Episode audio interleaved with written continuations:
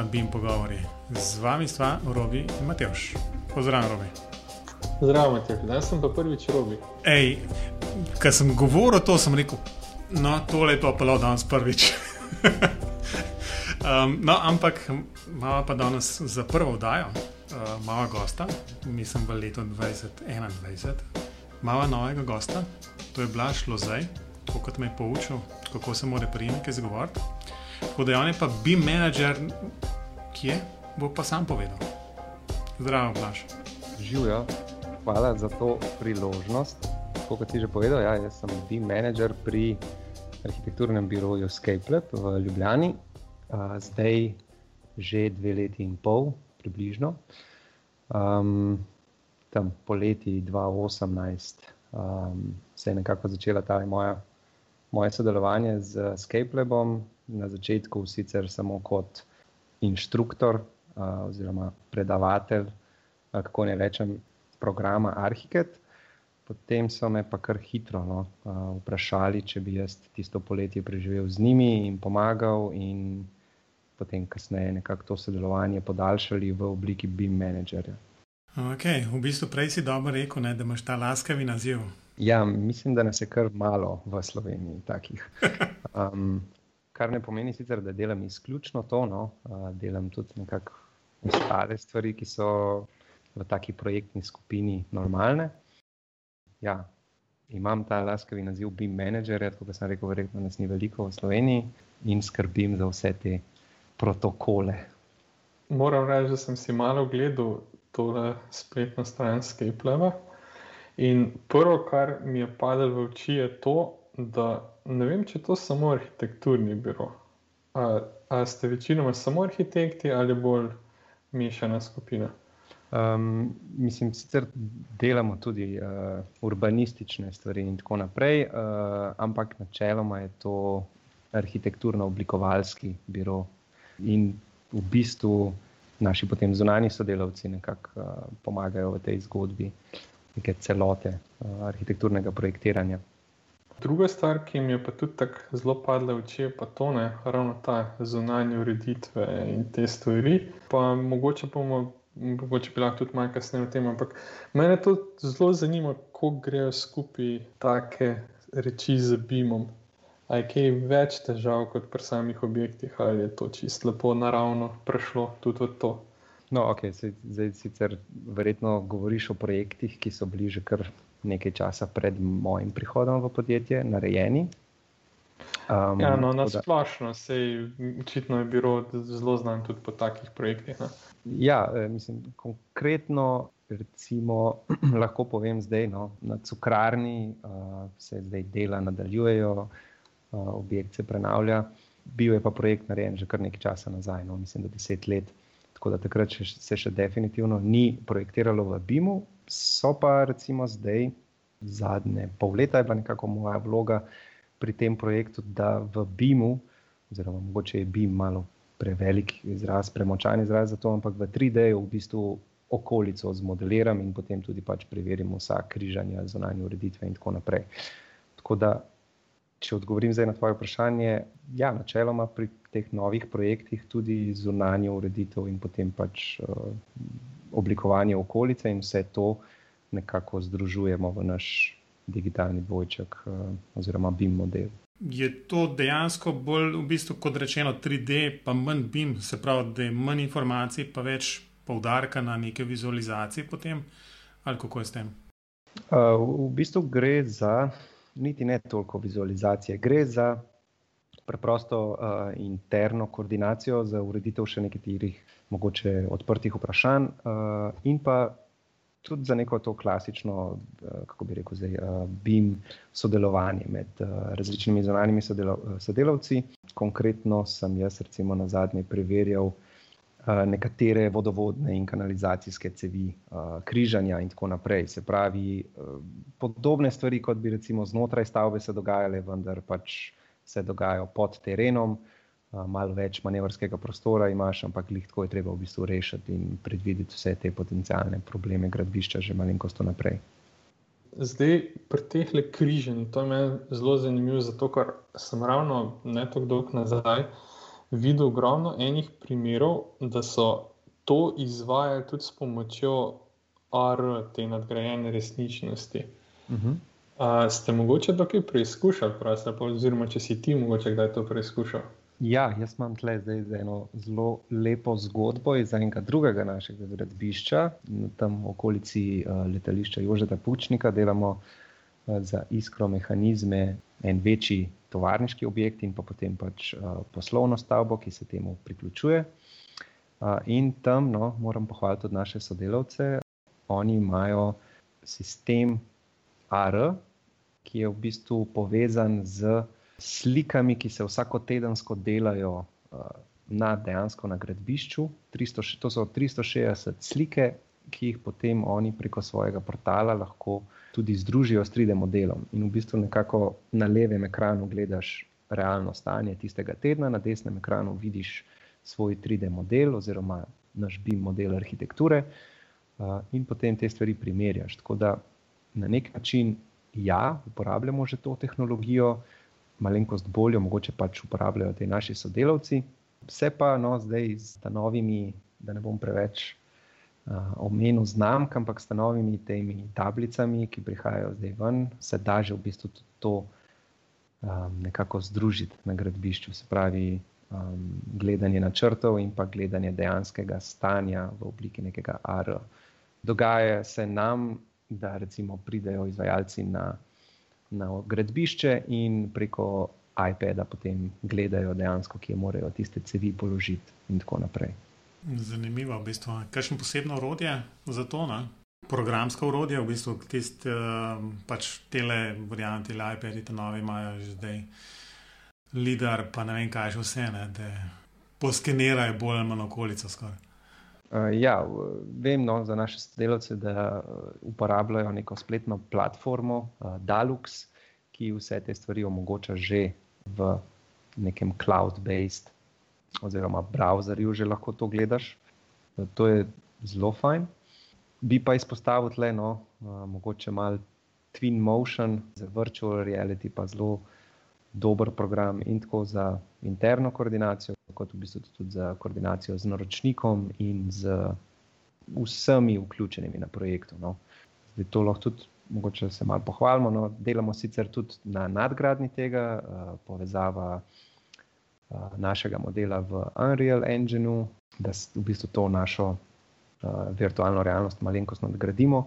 Uh, ampak v, zadnjem, zadnjih pol leta smo pripeljali uh, razvoj tega Twin Motiona, povezava z Arhicadom in našega BIM modela, tako daleč, da več ali manj vse koordinacije z naročnikom zdaj v bistvu upravljamo preko te platforme. Če se ne motim, je pa zadeva Twin Motion v bistvu zdaj nekako del tudi Arhicada. Uh, tak, tako, ja. Uh, mislim, da ta, ta nova verzija 2020 uh, je za stojn za vse uporabnike Arhicada. Uh, tudi to je bil moram priznati, glavni razlog, da se je v bistvu Skype odločil za to uh, implementacijo v naš uh, workflow. Um, mi smo namreč že od začetka, se pravi, vem, zadnje tri leta, uh, odkar smo se recimo transformirali na BIM uh, projektno ekipo, smo delamo v Arhikedu. No. Uh, izključno v Arhikedu, seveda se pač včasih kršnih stvari, da bi jo v AutoCAD-u ali pa v Revitu naredil, ne moreš izogniti ampak načeloma je v bistvu naš, uh, naše glavne orodje, v bistvu Arhicad, plus zdaj Twin Motion in pa v prihodnosti verjetno uh, Unreal Engine. Uh, kaj pa je bistvena prednost Unreal Engine? Twin Motion, okay, vem, da Twin Motion pač predvidiš vse naprej, pripraviš model naprej, animacijo naprej in tako dalje, ne? ampak je pa verjetno veliko bolj integriran z Arhicad, mislim, vem, da je veliko bolj integriran z Arhicadom kot Unreal. Unreal Engine pa seveda omogoča, da se prosto gibaš potem v razsvetu. Ampak tako, no, glede na to, da ima Twin Motion že ugrajeno, ne vem, en kup nekih, vem, da so vozila, pa ljudje, pa ne vem, kaj vse. Ne. Kakšna pa razlika z Unreal Engine, da večji, večji svet zgradiš? Uh, gre, gre, pred, gre predvsem za višjo kvaliteto, potem ali videa, ali imidža, ali v bistvu uh, virtualnega sprehoda. Um, Twin Motion ima sicer neke omejitve, pa še zmeraj gre za uh, ge, uh, še vedno gre za engine, ki je bolj podoben uh, igričarskemu. Uh, Medtem ko Unreal Engine, mislim, da z nekimi plugini potem omogoča tudi ray tracing in tako naprej. Um, se pravi, zaenkrat nam to čisto ustreza, ampak razmišljamo pa tudi malo naprej o integraciji, mogoče kakšnih malo bolj kvalitetnih uh, virtualnih sprehodov potem v samem Unreal Engineu. Um, recimo, no, uh, Twin Motion je sicer fajn uh, za določiti odtenek barve, ampak da bi pa prav tam gledal po nekih RAL lestvicah, pa to, to daleč pa še nismo. No. Sej ne vem, kaj ne vprašam, v bistvu. razen to, da, da si ne predstavljam, kako kakšni naročniki to uporabljajo. Oziroma, pač kako pa pogledajo to. Zaenkrat poteka komunikacija, no, tudi uh, letu primerno preko ali Skype ali drugih platform. Um, preprosto deljenje ekrana, sprehod čez in potem ugotoviti, kakšne probleme v živo z naročnikom. Uh, ima tudi Twinmotion opcijo, da se eksporta stvari in pošle, vendar te datoteke so malenkost prevelike, no, čisto za vsakodnevno uporabo. Ja, rekel si, rekel si da, ste, da ste kar na, na Arhikedu. Uh, kako, pa, kako pa z vem, razno raznimi knjižnicami in podobnimi stvarmi um, delate na tem? Uh, ja, mi že od začetka, uh, dokaj hitro po pač tej odločitvi, da gre podjetje na Arhiket, smo se nekako tudi zavedali, da bomo sporedno tudi morali skrbeti za neke interne knjižnice. Uh, tako da smo se tega lotili s pomočjo mojega očeta. Uh, David nam je recimo čisto na začetku pripravil neko custom knjižnico, vrat in okna. Uh, to je bil začetek. Uh, potem smo pa nekatere stvari delali sami, nekatere stvari uh, loadamo v bistvu iz portalov Beam Object in ostali. In potem um, jaz nekako to urejam, uh, da imamo knjižnice za, za različne projekte, tudi razdeljene po sklopih, kot vem, uh, stanovanska, uh, pisarne in tako naprej. Um, moram priznati, da za GDL sem jaz um, totalni začetnik, kljub temu, da imam to srečo, sicer, da, da je oče velik, velik strokovnjak, me nekako nikoli ni to preveč zanimalo.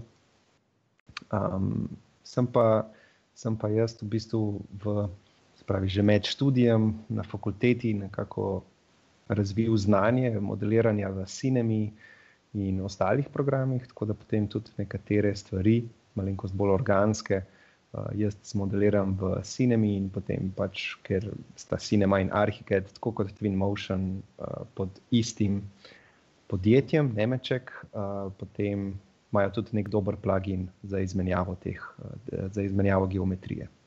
Tole, ko si ravno omenil, Nemček. Ne? Nemček je pač zdaj že kar nekaj časa nazaj pač kupil Graphisoft. Ampak se motim, ali imamo občutek, da nikoli niso prav resno pristopili k integraciji vse te programske opreme. Ker se mi zdi, da Alplan in Arhikes so do neke mere tudi uh, tekmeca. Ne? In jaz sem zdaj pričakoval, kako boljšo integracijo na tem nivoju, pa se mi zdi, da to kar nekako staja vsak na svojem bregu. Um, kaj um, misliš? Ja, mislim, jaz bi. Sicer si ne, sploh si ne predstavljam. No, z Graphisoftom imam nekako dobre odnose, um, tudi z ljudmi tam, ljudi pri Nemčeku dejansko ne poznam. Si pa predstavljam, da je to zelo podobno pri, velik, pri takem velikem podjetju, software podjetju, Um, po mojem je to podobna zgodba kot pri recimo Adobe. Se pravi, kljub temu, da so to pod istim imenom, um, so še vedno programi, uh, ki so si zelo različni. In recimo, ne vem, jaz slišim kdaj kritike, pa tudi sam bi recimo kritiziral Adobe, da, da glede na to, da imajo tri uh, podobne programe, ki delajo podobne stvari, bi lahko pač uh, user experience malenkost zboljšali integracijo med vsemi temi stvarmi. Si predstavljam, da je podobna stvar pri Nemčeku. Sicer, kot sem rekel, no, ne poznam za res zgodbe, si pa predstavljam, da, da ni tako lahko no, integrirati uh, vem, dva programa med sabo, oziroma vzpostaviti komunikacijo med dvema programoma, ki sta si bistveno različna. Ne, sej to razumem, sej tudi namen programa je različen, ne bolj inženirski, drugi bolj za arhitekte. Ne? Ampak um, vsaj tako, no, mislim, iluzorno je pričakovati, da bodo združevali dva programa, ki imata vsak svojo bazo uporabnikov in ki oba dva imata zelo dolgo tradicijo. Ampak vsaj pričakoval sem, vem, da bodo združili BIM, pa BIMX integrirali bolj in tako naprej. No. Pa se mi zdi, da se nekaj ne dogaja na tem področju. Ja, se pravi, ne vem za res. Jaz bi mogoče tle malo pokritiziral Graphisoft sam. No. Se mi zdi, da na zadnjih letih ogromno vlagajo v ta BMX in uh, mogoče malo manj v. Vem, prej smo se pogovarjali o recimo GDL knjižnicah, mislim, da tle je sklop uh, področja, na katerem Graphisoft zelo malo dela za res, um, da bi to približal uporabniku. Razen to, kar so zdaj v 24-ki ponudili, no, v smislu nekega node-based GDL programiranja. A to je spet nek, nekaj prostega, da prekinemo, da je kaj podobnega, kot Dynamo ali kaj podobnega. Ja, zelo limitiran Dynamo je v bistvu to. Aj, aj. Mislim, no, videl sem tudi videl sem preko tutorialov pa nekih uh, case studies, ki, so, ki nam je Graphisoft poslal. Sem videl, da lahko dejansko narediš ogromno s tem, ampak to ni tako, da bo zdaj kar. Eh, vsak um, začetni uporabnik Arhikeda znal. No. Gre kar za, za pleten sistem nekih novih stvari, ki jih je treba osvojiti. Uh, sigurno pomaga, če recimo znaš uh, od Rajnota, Grasshopper ali pa Dynamo. No. Gre za podobno stvari, se pravi, node-based, potem uh, definiraš parametre, jih povezuješ z nekimi temi logičnimi povezavami in na koncu dobiš To, zgleda, to prosti zgleda to skoraj tako, kot da bojo GDL tako malo dal na stranski tir in um, se vrgli v, v tako bolj grafično programiranje. Uh, ja, se pravi, da tlele, to je moja kritika. No? Graphisoft že kar nekaj časa, malo premalo delajo na tej uh, user-friendly GDL okolju. No? no, ampak v bistvu se mi zdi, da če si rekel, ja eno, eno vsa ta urodja dodatna, ne, saj tako, tako na splošno gledam. No, so, so zapletena že sama po sebi, ki imajo določene predpostavke in dokler se ne sprijazniš s temi, uh, imaš kar težavo um, razumeti določene stvari, po drugi strani moš pa že v osnovi, ne vem, arhiket kot tak poznati do, do praktično vse, ne, če hočeš ta neka dodatna urodja res izkoristiti. Uh, ja. A ti kaj jamrajo tvoji tamle sodelavci? Oziroma, te, ja, te, te najbrž so skozi tako z računalnikom, pa arhitekt se jim odpre tam v startupu. Um. um, zmeraj manj, ampak ja, no, uh, na začetku sem kar poslušal uh, stvari, da ne vem, kako ima arhitekt to neumno naštiman. In z nekaterimi stvarmi se strinjam. Pač, um, to, da je premalo knjižnic, ali pa ne vem, to, da ne moreš custom stola zmodelirati tako enostavno, kot si predstavljaš, da bo se strinjam s temi stvarmi. No? Tako da ja, na začetku so bili sodelavci, ampak zdaj pa, mislim, zdaj pa že kar dolgo časa nisem slišal tega. No? Moram, moram kar pohvaliti. No. Se je dalo sodo.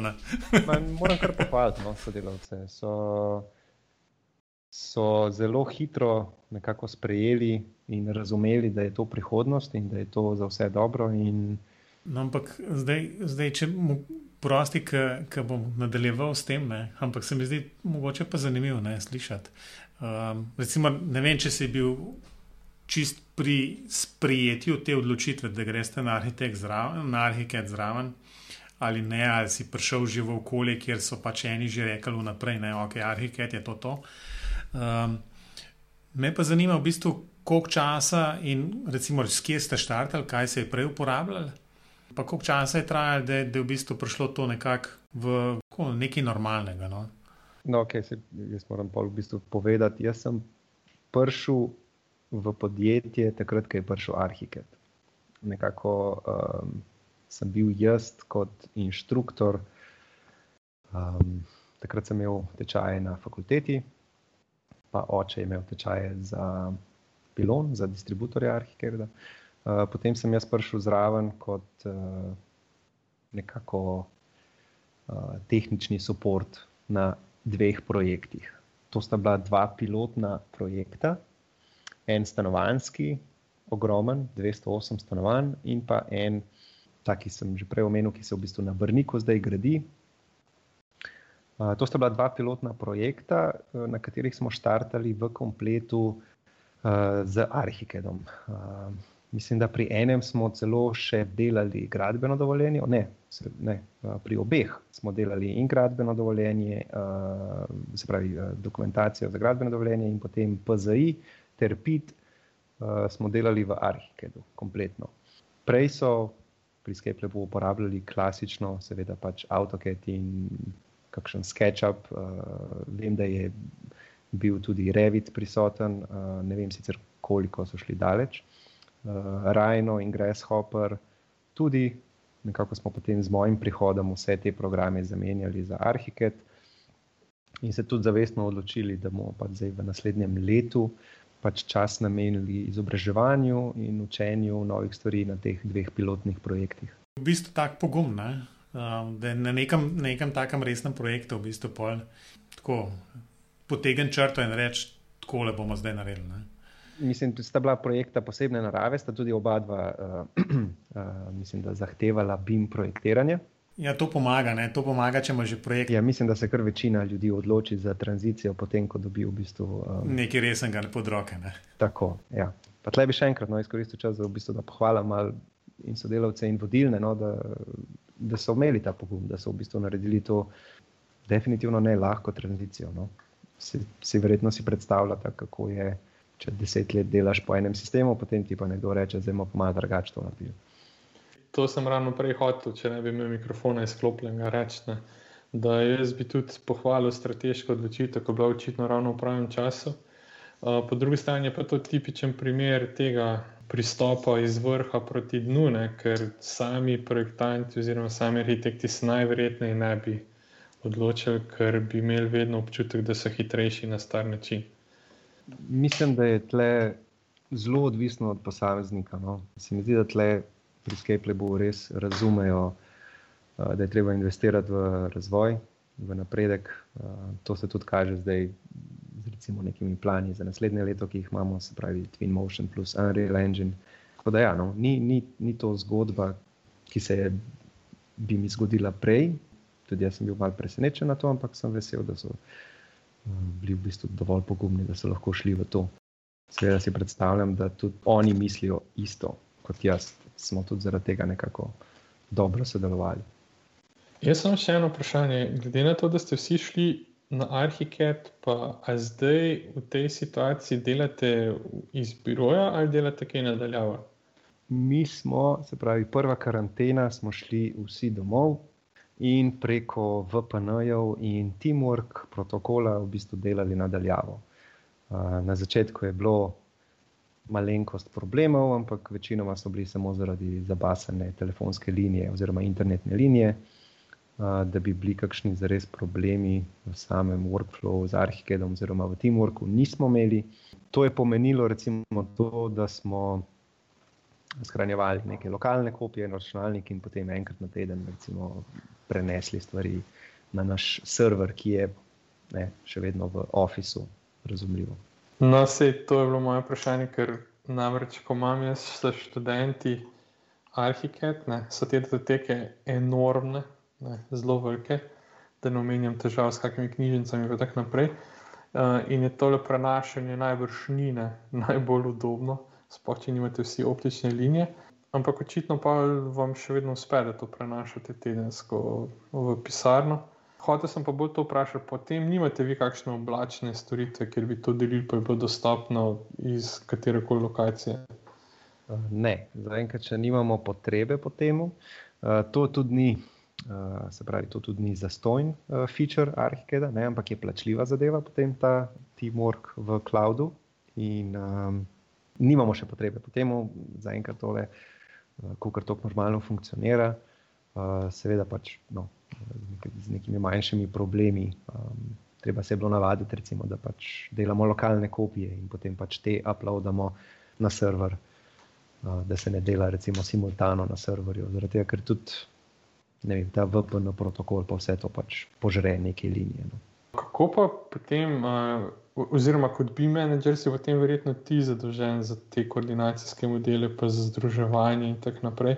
Pa s tem nimate več težav, glede na to, da imate vse z lokalnih kopij, ali je to tako dobro tečen delotok, že da, da pač funkcionira. V samem arhiket modelu, um, mislim, mi imamo itak razdeljeno, to so res ogromni projekti, um, ki jih delamo zdaj. Tudi ta dva pilotna projekta sta, sta ogromna za slovenske razmere. Uh, tako da, ja, da to teke v arhiketu so, so kar zrasle, uh, so velike, ampak nekako še vedno manageable. Kar se tiče pa recimo koordinacijskih stvari in pa vse to, pa uporabljamo tudi druge softverje za recimo pregled BIM modela, ki so vseeno malenkost bolj optimizirani in konkretno Trimble uh, Connect v, v, uh, ima tudi v bistvu to cloud uh, varianto, tako da se v bistvu sodelavci potem preko druge platforme recimo pregledujemo model ali pa komentiramo za nek potencijalni problem z strojnikom ali pa z statikom in tako naprej. To je meni fully zanimivo, no? ker uh, je tak ubranjen tak pristop pragmatičen, bi rekel. Uh, sicer glede na to, da te modele bolj kot ne uh, združujete na teh strežnikih v pisarni, uh, a s tem pa nimate težav, potem, da iste modele uh, uploadate na Trimble Connect. Ne vem, če čisto razumem, ampak uh, kako, kako misliš iste modele? Mislim, te modele, no, na katerih delate, potem v bistvu iz tega nekega varnega okolja, vaše računalnike, pa pisarne, ne, potem uploadate še na Trimble Connect. Zdaj, prvo, kar je, je to, da to spet traja full časa pri velikih modelih. Ne. To je ena stvar, ampak to verjetno ne počnete tako pogosto, da bi bil to problem. Uh, drugo pač ne vem, če, če to uporabljate samo za pregledovanje. No, mislim, to je bolj naš... moje, razmiš moje razmišljanje kot nek, uh, kot nek resen pomislek glede varnosti. No. Nimam občutka, no, da bi v bistvu ta Trimble Connect in upload in to trajalo preveč časa. Da, vem, zaenkrat se mi ne zdi, tako kot si rekel, sam pač seveda se to ne počne vsak dan, ampak pač recimo enkrat tedensko. Uh, ampak vem, načeloma se mi zdi ta workflow kar optimalen. Seveda prej sem rekel, da pač uporabljamo Trimble Connect za recimo, pregledovanje modela. Mi imamo še vedno vse IFC-je strojnih in elektroinstalacij tudi v Arhikedu. Tako da lahko kadarkoli v bistvu v, v našem naravnem okolju, v našem primarnem okolju, ki je Arhiked, pogledamo vse stvari. Vendar je Arhiked, kot si tudi sam povedal, že pri velikih uh, modelih, rata, že da to teka sama velika in potem pregled v 3D-ju in vse to traja in traja in traja. Tisti modr kolešček, ki se recimo vrti na sredi ekrana, je kar pogost pri, pri takih velikih projektih.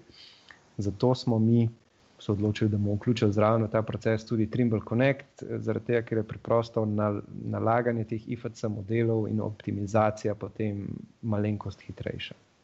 Oziroma je kar bistveno hitrejša. Še eno zelo pomembno vprašanje, da ne pozabimo, prosti, Matjaš. Apple ali Windows? Uh, podjetje je sicer na Windowsih, uh, z izjemo dveh prenosnikov. Uh, sam sem pa jaz dolgoletni uporabnik Apple. No. Tudi se mi zdi, da malenkost uh, zaradi očeta, uh, ker takrat, pravi, ne, 30 let nazaj, pa 20 let nazaj, recimo, je Arhiket obstajal samo na platformi. Uh, Apple, ne?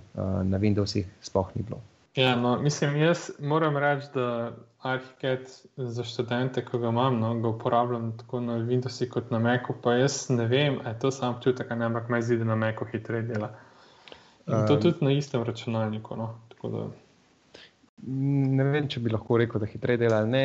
Ena stvar, ki me zelo moti pri Windowsih, ki na Macu vem, da obstaja v, v samem Arhitektu, je to, da na Macu lahko pod tem zavihkom help, preprosto noter upišeš ukaz, ki ga iščeš in ti ga bo potem, ne vem ali je to Arhiget ali to MacOS dela, ti ga bo potem highlightal, se pravi dejansko v tistem meniju, kjer je.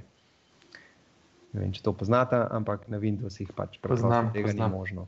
In to je v bistvu en feature, ki sem jaz mislil, da je na obeh platformah. Um, potem sem pa hitro ugotovil na tečaju, no, ker sem jaz govoril, ja, napišite v help to pa to, pa vam bo pokazal, pa so se mi potem pač Windows uporabniki pritoževali, da tega pa oni nimajo.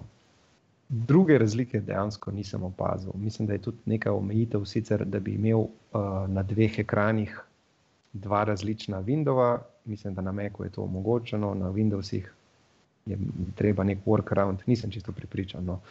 Ampak ne, zaenkrat ne vidim ve večjih težav na Windows operacijskem sistemu. No. E, to je na Macu možno, zato ker ima workspace, ne, ki v Windowsih nimajo. Tako da tudi na Macu, če dejansko nastaviš ekran, da je deljen, ne, da je v bistvu extended površina, mislim, da tudi ne dela. Ampak ne bom, ne bom zdaj dal roke v ogenj. no. Ja, se, se ne spomnim, zares. No. Um, zdaj že zadnje dve leti, pol, pol v bistvu na Windowsih delam, pa na mojem prenosniku, sam če je res nujno treba. No, ampak dajmo se vrniti na BIM. ne. Um, še mogoče eno pomembno vprašanje. Um, zato, da, zato, da si mogoče znajo poslušalci predstavljati, kaj zdaj to pomeni, v bistvu delo nadaljavo, pa urejanje, pa zbiranje teh um, modelov in tako naprej. Koliko je, koliko je zaposlenih, CCA ne, na, na Skype Labu? Trenutno nas je tam nekje deset, seveda smo zdaj v bistvu zaradi teh, tega leta, imamo malo manj študentov pri sebi, kot bi jih drugače imeli, verjetno. Ampak ja, no, tam nekje deset se je zdaj gibla uh, projektantska skupina, tako da gre za srednji, mogoče že kar večji biro v bistvu v Sloveniji. Glede na to, tiste biroje, ki jih jaz poznam, se mi zdi, da je kar, um, se mi zdi, da je kar velik no, za slovenske razmere. Uh, koliko je pa kaj z projekti zdaj? Prej si že omenil, da so naročniki na teh večjih projektih zdaj že zahtevali BIM pristop, oziroma da se to dela v BIM-u. Ali je to zdaj postaja že kar praksa ali je to še vedno izjema? Jaz bi rekel, da, da je to že kar postalo praksa. No. Sploh, teh, sploh na teh večjih projektih, kjer uh, si naročnik vseeno nekako prizadeva, da bo potem pač s tem modelom in s to dokumentacijo tudi uh, nekako upravljal, oziroma imel lažjo pot pri upravljanju objekta. To niso zdaj zahteve po BIM projektu, ne pridejo iz nekih manjših enodružinskih hiš, ampak konkretno, recimo tukaj, kjer gre za industrijski objekt, kjer so zelo pomembne. Je zelo pomembno, v bistvu, da se predvidi vse potencijalne probleme že prej. No. Zelo dolgo se je poslušalo, da bodo naročniki zahtevali BIM in da zaradi tega treba priti na BIM, pa to ne. Ampak to se mi zdi pa precej smiselno, ne, da v bistvu naročniki prihajajo iz druge stvari, ne, iz druge strani, da pač njih bolj skrbi uh, preglednost projekta, pa verjetno tudi vizualizaciji, nič kaj ne škodi, če so boljše. Ne. In tako dalje. Res, to, to se mi zdi tako, tak, um, nekaj, o čemer nisem razmišljal, ne. kaj, kaj zdaj uh, naročniki zahtevajo, pa kaj ne. No. Um, pa še enkrat bom poudaril, ne, da jaz, ko sem gledal spletno stran podjetja, uh, sem bil res zelo presenečen nad količino teh zunanjih projektov. Ne. In zdaj se mi zdi zelo pomembno, da se tudi taki projekti vodijo v BIM-u. No. Bi, bi pa zelo rad videl, kako bo to čez pet let. Ali bo to zdaj z Unreal Engineom res gledal, tako da ne boš več vedel, kaj gledaš, ali ne, ne. ali kje bomo. Je, jaz mislim, da čez pet let, definitivno. Danes sem lih za to, sem se malo pripravljal no, na ta pogovor in sem tle napisal si ene par istočnic. Jaz sem 15 let nazaj naredil prvi render. Lahko, lahko pokažem ta render, to ni, to ni dober render, ampak se mi zdi, da je za tiste čase bil kar v redu.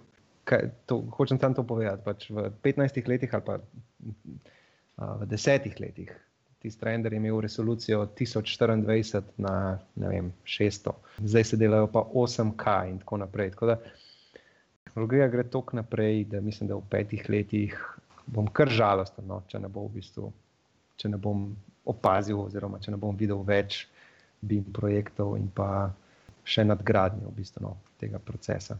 Ok, en zelo pomemben podatek je bil, kako dolgo si ustvarjal ti render 1024-768. Drugo vprašanje pa, kdo za Boga rabi 8K ločljivost, razen za Ja, ja, okej. plakat. Ne, se tle, vem, tle gre samo za jumbo plakate, ja, drugače ne rabiš tega. Uh, ampak v našem poslu ne, se kar veliko krat zgodi, da v bistvu potem rabiš nek render, da ti na en jumbo plakat ali pa mogoče na mal večji medij. Tako da ja, no, tam 4K ni več nič neobičajnega, no, se mi zdi za render. Ja, se mogoče spomniš pred 15 leti, kako dolgo je trajala izdelava enega tega renderja? Samo Izgled. renderiranje je bilo definitivno čez noč, se pravi 10 ur plus. Uh, izdelava v smislu, koliko časa sem pa jaz porabil, to se pa ne spomnim. Spomnim ne, ne, se, da sem, da se, sem čez noč to renderiral. Ja.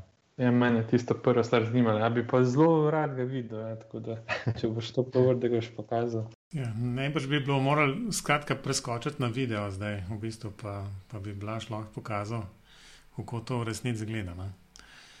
Ker še nismo tam. Um, bom jaz mogoče Blaža prosil, če bo lahko še ta render svoj um, delil, pa ga bomo dali zapiske, da, bo, da bojo. Um, poslušalci, ki se odpravijo na BIM pogovor, pika si tudi malo vizualnega materijala.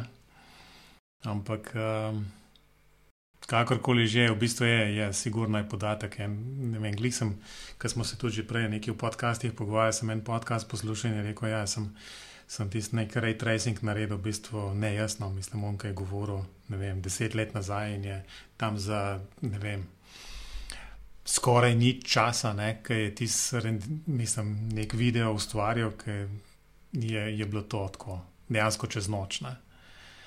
Zdaj, zdaj je v bistvu skoraj to v realnem času, ko gledaš v bistvu neke igre, ki imajo vse možne senčenja od sebe in ne vem, kaj še vse. Ne. Tako da ja, si predstavljam, no, tudi tisto, um, ki je bilo na Beam World letos, ki je pač tale iz Januarja kazal, dejansko je za pričakovati, da če bo oprem, druga oprema, v bistvu, ne, druga podpora. Ne vem, od ne vem, nekih mrežij in očal in podobnih stvari, ne, ali pa nekih haptičnih umestnikov, s katerimi boš lahko upravljal te elemente v, v tem virtualnem svetu, potem bo to res en najbrž nek nov preskok v vem, modeliranju ali pa uporabi tega softvera, kjer je, kot rečeno, v bistvu, ne vem, če enega arhike, da ne uporabljaš vsak dan, v bistvu se zmeri znova loviš, tako da je absolutno marovi prav. Jaz ga nimam nainštaliranega ravno zaradi tega razloga. Mislim, da bomo zdaj v naslednjih letih videli kar konkreten preskok, čeprav se, se že zdaj dogaja, pa tudi vem, se, če greš na Graphisoftovo stran, potem tam izpostavljajo nekatere arhitekturne biroje, recimo, ki že uporabljajo to tehnologijo. Vendar mislim, da je še vedno to bolj PR um, učinek, kot pa da bi zares oni to uporabljali um, tako, uh, kot se bo čez leto, dve. No. Um, to, kar mi delamo, je že nekako dokaz o tem, da, da se bo ta tehnologija uporabljala v naslednjih letih. Ja, neč, čez tri leta se slišimo, pa bomo videli. Ja, upam, da še kaj prej. čakaj, ne, čakaj. A veš, to, robi dobro si me spomnil, zdaj ne hote sicer, ne, ampak v bistvu sem rekel, ker sem se jaz pripravljal na, na, ta, na to snemanje, ne, sem šel pa prav pogledati, kdaj smo mi dva prvič blaža vprašala, če bo imel čas za, za snemanje podcasta. In, in sem šel prvi mail pogledati. In veš, kdaj sem ga poslal? 21. septembra. Prvega leta. ja, to je bilo prejšnjem letu. ja, Skratka, to neč ne govori, blaž, to, neč, to samo kot zanimivost. Ne? Ampak um, stvari so se vmes spremenjale, dogajale, um, ja, zaposleni smo vsak po svoje. Ne?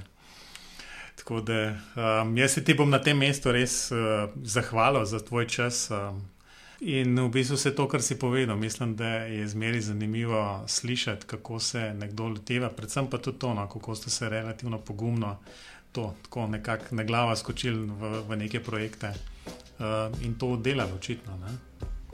Bo mogoče fajn, da še koga drugega vključiti od mojih sodelavcev v pogovor. Ampak, uh... no, to, je, to se tako tako vede, to, tim, to je timsko delo. No, mislim, tako, da je pač nekdo je pa na podkastu.